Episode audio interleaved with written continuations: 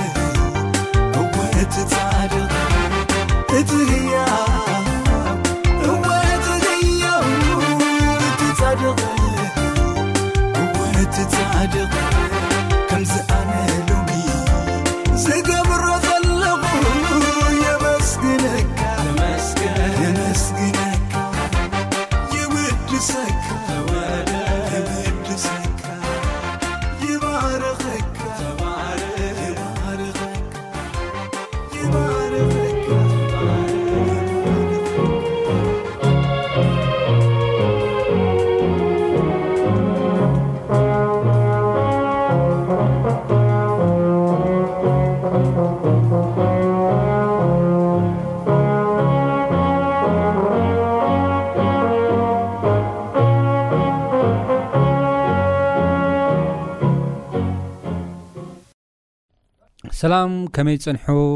ኣብ በቦትኡ ኮንኩም ሬድታትኩም ከፊትኩም እናተከታተልኩምና ዘለኹም ክቡራ ሰማዕትና ሎሚ እውን በቲ ሒዝናዮ ዘለና ርእስቲ ኣብ ማቴዎስ ምዕራፍ 6 ፍቅዲ 13 ዝጀመርናዮ ርእስቲ ማለት እዩ መቐፀልቱ ሒዘልኩም ክቐርበ ምሳና ክፀንሑ ብክብሪ ዕድም ማቴዎስ ምዕራፍ 6 ፍቅዲ 13 ካብ ክፉእ ኣድሕንና እምበር ናብ ፈተና ኣይተእትወና ዝብል እዩ ኣብ ዝሓለፈ ናይ ቃል ግዜና ብዙሕ ሕቶታት ካብዚ ነገር እዚ መሊስና ነና እቲ ቀዳማይ ሕቶ ዝመለስናዮ ኣብዛ ሕቶ ሲ እንታይ እዩ ፈተና ኣይፍትንን እዩ ይብለና ያቆብ ምዕራፍ ሓደ ፍቕዲ 1ሰለስተ ነገር ግን ዘፍጥረት ምዕራፍ 2ስራክልተን ከዓ እግዚኣብሄር ኣብርሃም ሞኮሮ ዝብል ሓሳብ እዩ። እዚ ክልቲኡ ሓሳብ ብኸመይ ኢና ነረዳድኡ ዝብል ርኢና ኔርና። ነዚ ዝመለስናዮ ሓሳብ ብኸመይ እዩ ክልተ ዓይነት ፈተና ከም ዘሎ እዚ ክልተ ዓይነት ፈተና ከዓ ብቃል ናይ እንግሊሽ እውን ይፈላለ እዩ ብትግርኛ እውን ይፈላለ እዩ ኣብ ትግርኛ መፅሓፍ ቅዱስ ኣብዘን ናይ ቀደም ማለት እዩ ብኸመይ እዩ ዝፈላለ ሙከራን ፈተናን ኢሉ የቕርቦ እዩ ብናይ እንግሊሽ ከዓ ቴስትን ቴምፕቴሽንን ኢሉ የቕርቦ እዩ ቴስት ወይ ድማ ሙከራ ማለት ንሕና ንክንዓቢ ንሕና ንክንልወጥ መልክዕ ኣምላኽን ምስሊ ኣምላኽን ኣባና ንክሕደስ ዝግበር ሙከራ እንትኸውን ፈተና ግን ኮነ ኢልና ንክንወድቕ ኮነ ኢልና ንክንጠፍእ ዝገብር ከም ዝኾነ ኢና ርኢና ማለት እዩ ካብዚ ብተወሳኺ መፅሓፍ ቅዱስ ዝተፈላለዩ ዓይነት ፈተና ተበፅሓኩም ሲ ከም ሙሉእ ደስታ ቁፀርዎ ይብል እዩ ነገር ግን ማቴዎስ 613 ግን ከድና ንሪኢ ኣለዋ ናብ ፈተና ይትእትወና እዩ ዝብል ፈተና ከም ሙሉእ ደስታ ቁፀርዎ እናበሉ ናብ ፈተና ይትእትወና የለና ንክንፅሊ ከመይ ገይሮም ሂርና ዝብል ካልኣይ ሕቶ ሕቲትና ነርና እዚ ሕቶ እውን ብኸመይ ኢና መሊስናዮ ናብቲ ሓደ ፈተና ናብቲ ክፉእ ፈተና ኣይትእትወና ኢልኩም ፀሊ እዩ ዝብል ዘሎ ናብቲ ክፉእ ፈተና ኣይትእትወና ኢልና ክንፅሊ ከም ዘለና እምበር ናብቲ ሙከራ ከም ዘይኮነ ኢና ንርኢ እቲ ሙከራ ግን እግዚኣብሄር ንሙከራ ንዓና ንክዕቢ ዝገብሩ ሓደሓደ ሙከራታት በቃ ሰናይ እዩ ሓሳቡ ሰናይ እዩ ንዓና ንምልዋጥ ዝግበር እዩ ስለዚ ብኡሲ ተሓጎሱ እዩ ዝብል ዘሎ ንኣብነት ሓዊ ንምጥፋውን ንምፅራይ እውን ንጥቀመሉ ንጥረ ነገር እዩ ሕጂ ከም ወርቂ ነጢርና ክንወፅእ እንተ ኮይና ተሓዊ ንዓና እንታይ እዩ ዝግብር በቲ ሓዊስ ንዓኹም ሲ ሓዊ ምእታውኩም ሲ ምንም ከም ዘቃስ ክፀርዎ ምክንያቱ ወርቅነትኩም ክረአይ እቲ ናትኩም ቫልዩ እቲ ናትኩም ዋጋ ድማ ብደንቢ ንክከብር ንልዕል ንክብል ክፀሪ ኣለዎ ኣብ ሓዊ ኣትዩ እዚ እንተ ኮይኑ ኣብ ሓዊ ምእታዋ እታ ወርቂ ክተጉረምርም ዘይኮነስ ምክንያቱ እሳ ቫልዩ ንክህልዋ ንክትፀሪ ፀርያ ድማ ዋጋ ኣልዕል ንክብል ዝገብር ክሳብ ዝኮነ ሓዊ ንዓ እንታይ ክትገብር ኣሎ ከም ሙሉእ ሓጎስ እዩ ክቆፅሮ ኣሎ ሓዊ ከዓ ከይድና ክንርኢ ከለና ንምጥፋእ እውን ይጥቀምሉ እዮም መጥፍኢ እውን እዩ ማዕናው እውን እዩ እዚ ነገር እዚ ግን ጣዕሽሙ ክንገብር ከም ዘለና ኢና ንርኢ ስለዚ በዚ መልክዕ እዚ ክንሪኦ ከም ዘለና ኢና ንርኢ የሱስ ክርስቶስ ናብ ፈተና ኣይተእትወና ክብለና ከሎ ነዚ ዘጥፍእ ንዓና ካብ ኣምላኽ ዝፈልይ ነገር ናብኡ ክንኣት ከይንኣቱ ክንፅሊ ከም ዘለና ኢና ርኢና ካልእ ዝሓተትናዮ ሓደ ሕቶ ነይሩ ኣብ ያቆ ምዕራፍ ሓደ ፍቅዲ 13 ብክፉ ኣይፍትንን እዩ ብእከይ ኣይፍትንን እዩ ኢልና ርና ነገር ግን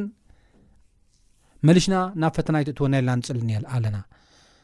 እንታይ እዩ ብከ ኣይጋጮን ዶ ኣይፍትን እናበልናስ መልሽ ንከዓ ይፍትን እዩሞ ንዓይን ትእትወኒ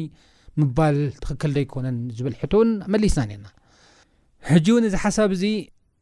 ብክልተ ነገር ክምልሶ ይደሊ ተቀዳማይ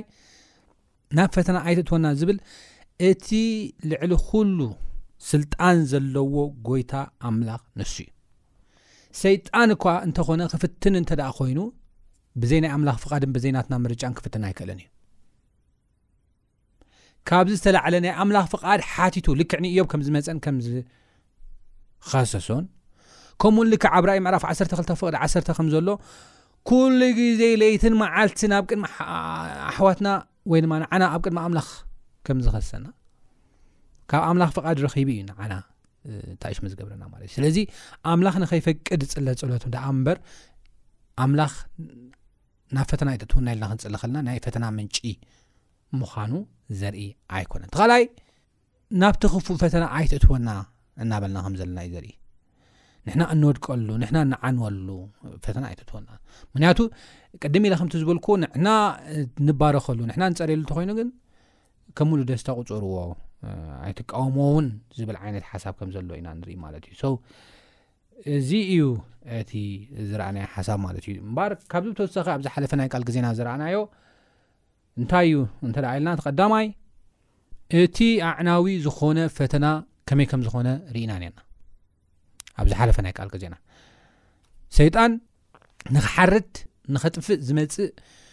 ከም ዝኾነ ርኢና ነርና ንሱ ጥራሕ ዘይኮነ ንቶም ሃዋርያት ንደቂ መዛሙርቲ የሱስ ክርስቶስ ንክብትኖም ንኸጥፍኦም ከም ዝፀዓረ ፕራክቲካሊ ውን ርኢና ነርና ኢና ነገር ግን የሱስ ክርስቶስ ስልኦም ብምፅላዩ ሕብረቶም ጠንኪሩ ክኸይድ ከም ዝክኣለ ኢና ንርኢ ማለት እዩ እሞ ንዖም ጥራሕ ዘይኮነ ሎሚ እውን ንዓና ከም ዝጓዝ ኣንበሳ 24 ሰዓት ናዞረ ዝፍትን ዲያብሎስ ምዃኑ ክንርዳእ ክንክእል ኣለና ነገር ግን ከም ዝጓዝም ኣንበሳ ይዙር ለይትን መዓልትን ንዓና ኣብ ቅድሚ ኣምላኽ ይክሰሰና ይፈትን ዝተፈላለዩ ፈተነታት ንዓና ንኸውድቕ ንክሓር ንኸጥፍእ ንሕና እንተ ደኣ ደይፈቐድና ኣሉ ንሕና ኩሉ ግዜ ምርጫ ናብ እግዚኣብሔር ተኮይኑ ምስ እግዚኣብሔር ተተፀጊዕና እንተ ፀልና ቃል ኣምላኽ እተ ኣንቢብና ብመንገድና ምስ እግዚኣብሔር ተ ኣስተኻኺልና ኣባና ምንም ስልጣን ክህልዎ ኣይክእልን ኢልና ዓፂና ነርና ስለዚ ምስ ኣምላኽ ሂወትና ከነስተኻኸል ከም ዘለና ተረዲእና ነርና ኢና ማለት እዩ ስለዚ ሎሚ ከዓ ንቕፅሎ ናብቲ ኣወንታዊ ዝኾነ ፈተና ሙከራ ወይ ድማ ብእንግሊዝኛ ቴስት ዝብሎ ነገር ኢና ክንኣቱ እዚ ሙከራ ወይ ድማ ቴስት እንብሎ ፈተና እውን እንተኾነ ጎይታ ኣብ ሂወትና ክፈቅድ ከሎ ክመፅእ ክፈቅድ ከሎ እቲ ቀዳማይ ልዕሊ ዓቕምና ዝኾነ ፈተና ኣይኮነን ዘምጸልና። ኣብ ቀዳማይ ቆሮንቶስ ምዕራፍ ዓሰርተ ፍቕዲ ዓሰርተ ሰለስተ ከም ዝብል ሓሳብ ኣሎ። ሰብ ክጸሮ ዘይክእል ፈተና ኣይበጽሓኩምን ይብለና። ሰብ ክጸሮ ዘይክእል ፈተና ኣይበጽሓኩምን ይብል እሞ ትሕት ኢሉ ካለ ድሕሪ እንታይ ይብል ካብ ዓቕምኹም ንንዮው ክትፍተኑ ኣይሓድገኩምን እዩ ስለዚ ክልተ ቃላት ተታሓዛ ኣለዋ እታ ቀዳመይቲ ክፀሮ ዘይክእል እታ ካልእቲ ካብ ዓቕምኹም ንላዕሊ ትብልያ ቀዳማይ ቆሮንቶስ ስለዚ ካብ ዓቕምና ንንዮ ክንፍተን ኣይሓደግን እዩ ስለዚ ዝበፅሓና ዘሎ ፈተና ክንፀሮ ዘይንኽእል ፈተና ኣይኮነን በፂሕና ክንፀሮ ንኽእል ንበረኸት ኢልና ኢና ግን ፈተና ኩሉ ግዜ ፈተና እዩ ቀሊል ኣይኮነን ጎዳይ እዩ ሽሙ ፈተና እዩ ፈተና ማለት ፈተና እዩ ወላ ኣወንታዊ ይኹን ወላ ኣታዊ ብጣዕሚ ከቢድ እዩ ይፍትነካ እዩ ትዕግስትኻ ይፍትነካ ስምዒትካ ይፍትነካ ተሓሳስባኻ ይፍትነካ ኣካልካ ይፍትነካ ብዙሕ ነገር ይፍትነካ እዩ ቀሊል ኣይኮነን ነገር ግን እዚ ቀሊል እኳ ተደይኮነ ነገር ግን ጎይታ እንታይ ዝብል ተስፋ ኣትልናዩ ወላ ተኣወንታዊ ፈተና ሲ ካብ ዓቕምኹም ንኔው ኣይኮነን ፈተና ኣይኮንኩምን ትፍተኑ ሰብ ክፀሮ ዘይክእል ኣይኮነን ኣባኹም ዝወርድ ሰብ ክፀሮ ዝኽእል እዩ ዝብል እታ ቀዳመይቲ ነጥቢ ኣብኣ ወዲእዋ እታ ካልእይቲ ነጥቢ ከዓ ኣምላኽ እሙን እዩ እሞ ምስ ፈተናኹም ምፅዋሩ ምእንቲ ክትክእሉስ መውፅኢ ገይሩልኩም ኣሎ ስለዚ መውፅኢ መተንፈሲ እውን ገይርልና እዩ ሓደ መውፅኢ መተንፈሲ እውን ንሕና ንወፀሉ መንገዲ እውን ኣዳሊልና እዩ ሜቢ እንፅለየሉ ክኸውን ይኽእል ካልእ ካልእ መውፅኢ ኣዳሊልና እዩ ኣብ ፈተና ክንበፅሕ ከለና እንሪኦ ነገር እዩ ኩሉ ግዜ ኣምላኽ መውፅኢ ኣዳሊልና እዩ ዝተዓፈነ ዝተዓፅወ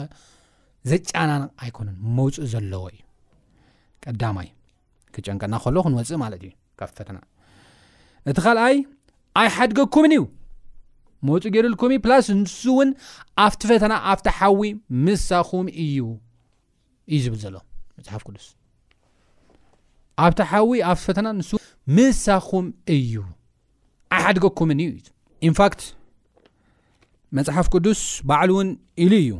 ኣብ ትንቢተ ኢሳያስ ምዕራፍ ኣርባዓን ሰለስተን ክንብብ ብደሊ ኢሳያስ ምዕራፍ ኣርባዓን ሰለስተን ፍቕዲ ሓደ እንታይ ይብል ሕጂ ግና እታ ያቆብ እቲ ዝፈጠረካ ኣታ እስራኤል ድማ እቲ ዘኮነካ እግዚኣብሄር ከምዚ ይብል ኣሎ ተበጀካ እሞ ኣይትፍራህ ብስምካ ፅዋዕኻ ንስኻ ናተ ኢኻ ብማያት ምስ እትሓልፍ ምሳኻ ክኸውን እየ ብውሒዝ ምትስሳገር ከዓ ኣይከጥሕለካን እዩ ብሓዊ ምስ እትኸይድ ኣይክትነደድን ኢኻ ሃልሃልታ ውን ኣይክትነደድን ኢኻ ይብል ስለዚ ብዚ እንታይ እዩ ዝብል ዘሎ ብማያት ምስ እትሓልፍ ምሳኻ ክኸውን እየ ምሳኻ ክኸውን እየ በቲ ትሓልፎ ፈተናታት በቲ ትሓልፎ ጭንቅስ ምሳኻ ክኸውን እየ እዩ ዝብል መፅሓፍ ቅዱስ ከና ክንረክና ኢንፋክት ኣብዚ ሓሳብ እዚ ከድና ንሪእልዋን ብፍላይ ኣብ ዳንኤል ከድና ንሪእልዋን ኣዕሩኽቲ ዳንኤል ሲድራቅ ምሻቅ ዓብደኔጎ ነቲ ዝቐረበ ምስሊ ኣይንሰግድን ስግደ ዝግበኦ እግዚኣብሄር ጥራሕ እዩ ብዘይብኡ ንካልእ ኣይንሰግድን ኣብ ዝበልሉ እዋን ናብቲ ሓዊ ናብቲ እቶን ሓዊ ሸውዓተ ዕፅፊ ንክነደድ ብምግባር ኣትዮም እዮም ኣብ ትንቢት ዳንኤል ምዕራፍ ሰለስተ ከድና ብ ንሪእሉ እዋን ማለት እዩ እቲ ሓሳብ ከምዚ ዝብል ኢንፋክት ንሶምን እምነት ነይርዎም እዩ መጀመርያ ኣፈራሪሕዎም እዩ ክትሰግዱ ኣለኩም ክትሰግዱ ኣለኩም ተደይ ሰጊድኩም ሸውዓተ ዕፅፊ ክኸውን እዩ ተባሂሉ እዩ ድሓር ክንምልሰልካ ኣየድልን እዩ ንጉስ ኢሎም እንዲያም ኣብ ዳንኤል ምዕራፍ ሰለስተ ፍቅዲ ዓሰርተ ሸውዓተ ስታይ ኢሎሞ ዎ ንጉስ እቲ እነምልኾ ኣምላኽ ካብቲ ጉሁር እቶን ሓዊ ከናግፈና ይኽእል እዩ ካብ ኢድካ እውን ከናግፈና ይኽእል እዩ ዎ ንጉስ ንሱ ኸናግፈና እንተ ዘይፈተወ፣ ንሕናስ ንኣማልኽትኻ ኸም ዘይነምልኾም፣ ነቲ ዘቖምካዮ ምስሊ ወርቂ ኸም ዘይንሰግደሉ ፍለጥ ኢሎም ከም እተዛረቡ ኢና ንርኢ። ሓያል እምነት እዩ ነይርዎም። ሸውዓተ ዕጽፊ እቲ ዀይኑ እቲ ሓዊ፣ እቲ ሓዊ ሸውዓተ ዕጽፊ ምስ ኰነ ኸኣ፣ ነቶም ሰለስተ ኣሲሮም ከም ዝደርበይዎም ኢና ንርኢ። ናይቲ ሓዊ ሓይሊ ናይቲ ሓዊ ጓህሪ ሓያል ካብ ምዃኑ ዝተላዓለ ከምዚ ይብል ሽዑ እንታይ ይብል ሽዑ ንብኳድናፀር ብሲድራቅን ሚሳቅን ዓብደኔጎን እምብዛ ተናደደ ትርኢት ገጽኡ እንተለወጠን ነቲ እቶን ካብ ነበረ ሸውዓት ዝበለጸ ክኸድንዎም ከንድድዎ ኣዘዘ። ንሲድራቕ ሚሳቕን ዓብደኔጎን ክኣስርዎም ናብቲ ጉሁር እቶን ሓዊ ክድርብይዎም ካብቲ ሰራዊቱ ሓያላት ሰባት ኣዘዘ። ሽዑ እዞም ሰባት እዚኣቶም ብቐሚሾም ባርኖሶምን መጎናጸፊኦምን ብኹሉ ክዳኖም ተኣስሩ፣ ናብቲ ጉሁር እቶን ሓዊ ከኣ ተደርበየ። ይብለና እሞ ቁጽሪ ዕስራን ክልተን እቲ ትእዛዝ ንጉስ እምብዛ ስለ ዝገንሐ፣ እቲ እቶን ድማ ኣዝዩ ስለ ዝረሰነ፣ እቲ ሃልሃልታ ሓዊ ነቶም ንሲድራቕን ሚሳቕን ዓብደኔጎን ዝደርበይዎም ሰባት ቀተሎም ይብለና ተሃፋ ትረመፅ ቀተሎም ይብለና እዞም ሰለስተ ሰባት እዚኣኦም ድማ ሲድራ ሚሳን ኣብደይነጎን ብእሱራትም ናብቲ ጉህር እቶን ሓዊ ወደቑ ይብለና ንኣምላኽ ኣሚኖም ብኣምላኽ ተደጊፎም እዮም ተደርብዮም እዞም ሰባት እዚኦም ኣምላኽ ከዓ ቅድም ኢለ ከምቲ ዝበልኩ ኣብ ቀዳማይ ቆሮንስ መራፍ 1 ፍቅሪ 13 ዘንበብኮ ኣይሓድገኩምን እዩ ንሱሲ ንክትፍተኑ ካብ ዓቅምኹም ንንዮው ንክትፍተኑስ ኣይሓድገኩምን እዩ ክመጽእ ከሎ ምሳኹም እዩ ዝኣቱ ናብ ሓዊ ከም ዝበሎ ኣብዚ ቃል እዚ ንሶም ክድርበዩ ከሎ ካብ ዓቅሞም ኮይኑ ንላዕሊ ኮይኑ ክድርበዩ ከሎ ናብዚ ሓያል እቶን ሓዊ ንሱ ድማ ምስኦም ከም ዝኣትወ ኢና ንርኢ ቀጺለ ብዘንብቦ ሓሳብ ንሱ ክንረኽቦ ኢና ሽዑ እቲ ንጉስ ንብኳፀነፃር ሰንበደ ይብለና ምስ ተደርበ እዩ ተቐላጢፉ ተንስኤ ንመኽርቱ ድማ እቶም ኣሲርና ናብ ሓዊ ዝደርበምናዮምሲ ሰለስተ ሰባት ዶ ኣይኮኑን በለ ንሳቶም ከዓ ንንጉስ ርግፅ እዩ ወንጉስ ኢሎም መለሱሉ ንሱ ከዓ እንሆ ኣነ ብ ኣርባዕተ ፍቱሓት ሰባት ገለ እኳ ከይተጎድኡ ኣብ ማእከል ሓዊ ክመላለሱ ከለዉ እርኢ ኣለኹ። ትርኢት እቲ ራብዓይ ድማ ወዲ ኣምላኽ ይመስል ኢሉ መለሰ። ድሕሪ እዚ ንቡካድናጻር ናብቲ ኣፍ እቲ ጉሁድ ሓዊ ቐረበ እሞ ሲድራቅ ሚሳቅ ዓብደኔጎ ኣቱም ባሮት ልዑል ኣምላኽ ውጹ ናብዚ ንዑ ኢሉ ተዛረበ። ሽዑ ሲድራቅ ሚድራቅ ዓብደኔጎ ካብቲ ሓዊ ወጹ። እቶም መሳፍንቲ ሹመታትን ኣርእስታትን ኣማኸርትን ንጉስን ተኣኪቦም ነቲ ሰባት ተሓዊ ኣብ ስግኦም ገለ ሓይሊ ከም ዘይነበሮ ርኣዩ ተሓዊ ገለ ሓይሊ ከም ዘይነበሮ ጎይታ ምሳና ክኣት ከሎ ጎይታ ምሳና ክኸውን ከሎ ሓዊ ኮነ ዘጥፍእ ነገር ኣባና ገለ ሓይሊ ኣይህለዎን እዩ ገለ ሓዊ ከም ዘይነበረ መን እዩ ዝመስኪሩ ንብኳድናፃርን ኣማኸርቱን ቶም በዓል ስልጣናት ፀጉሪ እሶም ኣይቃረየን ክዳውንቶም ኣይተለወጠን ረ ጨና ሓዊ እኳ ኣይሓለፎምን ይብለና ኣብ ሓዊ ኣትዮም ጨና ሓዊ እኳ ሓለፎምን ኣይሓድገናን እዩ ካብ ዓቕምና ንንዮ ክንፍተን ኣይሓድገናን እዩ ኢንፋክት ሰብ ክፀሮ ዘይክእል ፈተና እውን ኣባና ኣየምፅእን እዩ ንዓና ክምህረና እኳ ፈተና ክፈቅድ ከሎ ካብ ዓቕምና ንንዮ ፈተና ኣይገጥመናን ነዚ ኮዩ ያዕቆብ ምዕራፍ ሓደ ፍቕዲ ክልተ ኮ ኣሕዋተይ በብዓይነቱ ዝኾነ ፈተና ክመፀኩም ከሎስ ከም ምሉእ ሓጎስ ቁፀርዎ ኢንፋክት ንሱ ፈተና ክፈቅድ ከሎካ ካብ ምሉእ ልቢ ኣይኮነን እናተጎድኡ እዮም ዞም ደቀ እናበለ እዩ ዝፈቅድ ዘሎ እሞ ከሙሉ ደስታ ጌርና ክንቆጽሮ ይግብኣና እዩ ብምቕጻል ኣብዛ ማቴዎስ ምዕራፍ 6 ፍቕዲ 13 ዘላ መበገሲት ሓሳባትና ካብ ክፉእ ኣድሕነና እምበር ናብ ፈተና ይትእትወና እያ ትብል እዛ ካብ ክፉእ ኣድሕነና ትብል ቃል ዓይና እዩ ካብ ማንም ክፉእ ነገር ድዩ ክሕልወና እንደሊ ሕማም ከይመፀና እንደገና ሽግር ከይመፀና ድኽነት ከይመፀና ኣሕዋትና ቤተሰብና ንከይመቱ ካልእ ካልእ ዲና እቲ ፀሎት ንፅልዮ ወይስ እንታይ እዩ ዝፀሎት እዚ ብሓቂ ካብ ክፉእ ኣድሕነናስ እንታይ እታ ትርጉማ ኢየሱስ ክርስቶስ እዛ ጸሎት እዚ ኣብ ዮሃንስ ወንጌል ምዕራፍ 17 ጸልዋ ነይሩ ከምዚ ምባል እንታይ ይብል ካብ ቁፅሪ 14 ከንብባያ ኣነ ቃልካ ሃብክዎም ከምቲ ኣነ ካብ ዓለም ዘይኮንኩ ንሳቶም ከዓ ካብ ዓለም ኣይኮኑን እሞ ዓለም ፀላኣቶም ካብቲ ክፉእ ክትሕልዎም እምበር ካብ ዓለም ከተውፅኦም ኣይኮንኩን ዝልምን ዘለኹ ይብል ካብቲ ክፉእ መን እቲ ክፉእ ተባሂሉ ተፀውዒ ዘሎ እቲ ክፉእ ተባሂሉ ተፀውዒ ዘሎ ዲያብሎስ እዩ ሱር ናይ ክፉእ ዲያብሎስ እዩ ሰይጣን እዩ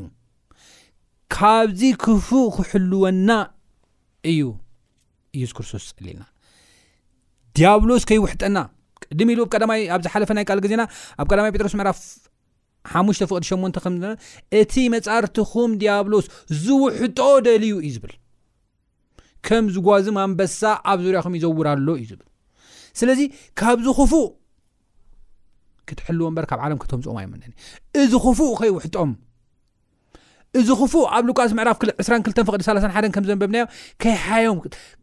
ከም ንፋስ ከይብቁፆም በኒኖም ከም ንፋስ ኮይኖም ተበቂፆም ከይከዱ ከይጠፉ ካብቲ ክፉእ ክትሕልዎም እምበር ካብ ዓለም ከተውፅኦ ኣይለኣምንኒ ኢሉ የሱስ ክርስቶስ ተዘር እቲ ክፉእ ከይውሕጠና እቲ ክፉእ ዝኾነ ዲያብሎስ ድማ ከም ንፋስ ከይቡቅጸና ከይብትነና ካብኡ ክንሕሎ ኢና ንሕና እውን ጸሎትና ከምህረና ከሎ ካብ ክፉእ ኣድሕነና እምበር ናብ ፈተና ኣይትእትወና ክብል ከሎ ካብቲ ዲያብሎስ እዩ እምበር ቅድሚ ኢለ ዝገለፅክዎ ሓሳብ እኳ ኣሎ ንሱ ድማ እንታይ እዩ ዝብል ኣወንታዊ ዝኾነ ፈተና ኣሎ ክብሪ ኣምላኽ ንርእየሉ ናብ ልዕል ዝበለ ደረጃ ንበፅሐሉ ኣሎ እዩ መጽሓፍ ቅዱስ ከኣ ሃዋርያት ይስደዱ ነይሮም እዮም መከራ ይበጽሖም ነይሩ እዩ መርከብ ይስበሮም ነይሩ እዩ ይኽትከቱ ነይሮም እዮም ኣርባዓ ግርፋት ይበጽሖም ነይሩ እዩ ኣርባዓ ግርፋት ኣይብፅሓኒ ኣነ ስደት ኣይፈትነ ስደት ምፍንቐል ኣይብፅሓኒ ኢልካ ክፅለ ኣይኮነን ትፀሎት ዘምህረና ዘሎ ነገር ግን ካብቲ ክፉእ ክውሕጠና ለይትን ቀድርን ከም ዝጓዝም ኣንበሳ ዝዘውር ካብቲ ዲያብሎስ ከም ንፋስ ክብቁጸና ክብትነና እምነትና ከጥፍእ ዝመጽእ ካብቲ ክፉእ ዲያብሎስ እዩ ዝብል ዘሎ መጽሓፍ ቅዱስ ስለዚ ካብ ክፉእ ዲያብሎስ ኣድሕነና እምበር ናብ ፈተና ኣይትእትወና ዝብል እቲ ክፉእ ዲያብሎስ እዩ ሕማም ኣይኮነን ክፉእ ድኽነት ኣይኮነን ክፉእ ስደት ኣይኮነን ክፉእ ተሰዲዶም እዮም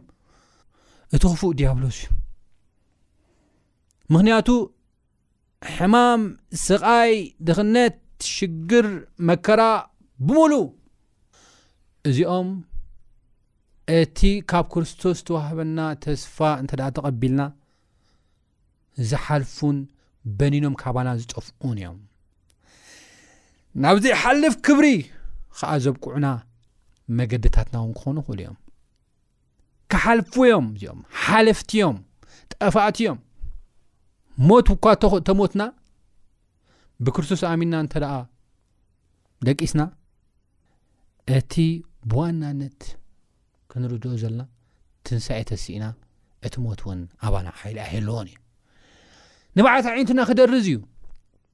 ሽግራትና ነገራት ኩሉ ድማ ክቀርፍ እዩ እግዚኣብሔር ይመስገን እሞ ንሕና ክንጽልዮ ዘለና ካብቲ ክፉእ እዩ። እቲ ክፉእ ግን እንተ ውሒጥና፣ እቲ ክፉእ ግን እምነትና እንተ ኣጥፊእዎ፣ እቲ ክፉእ ግን እንተ ሓሪድናን ኣጥፊእናን ንሱ እዩ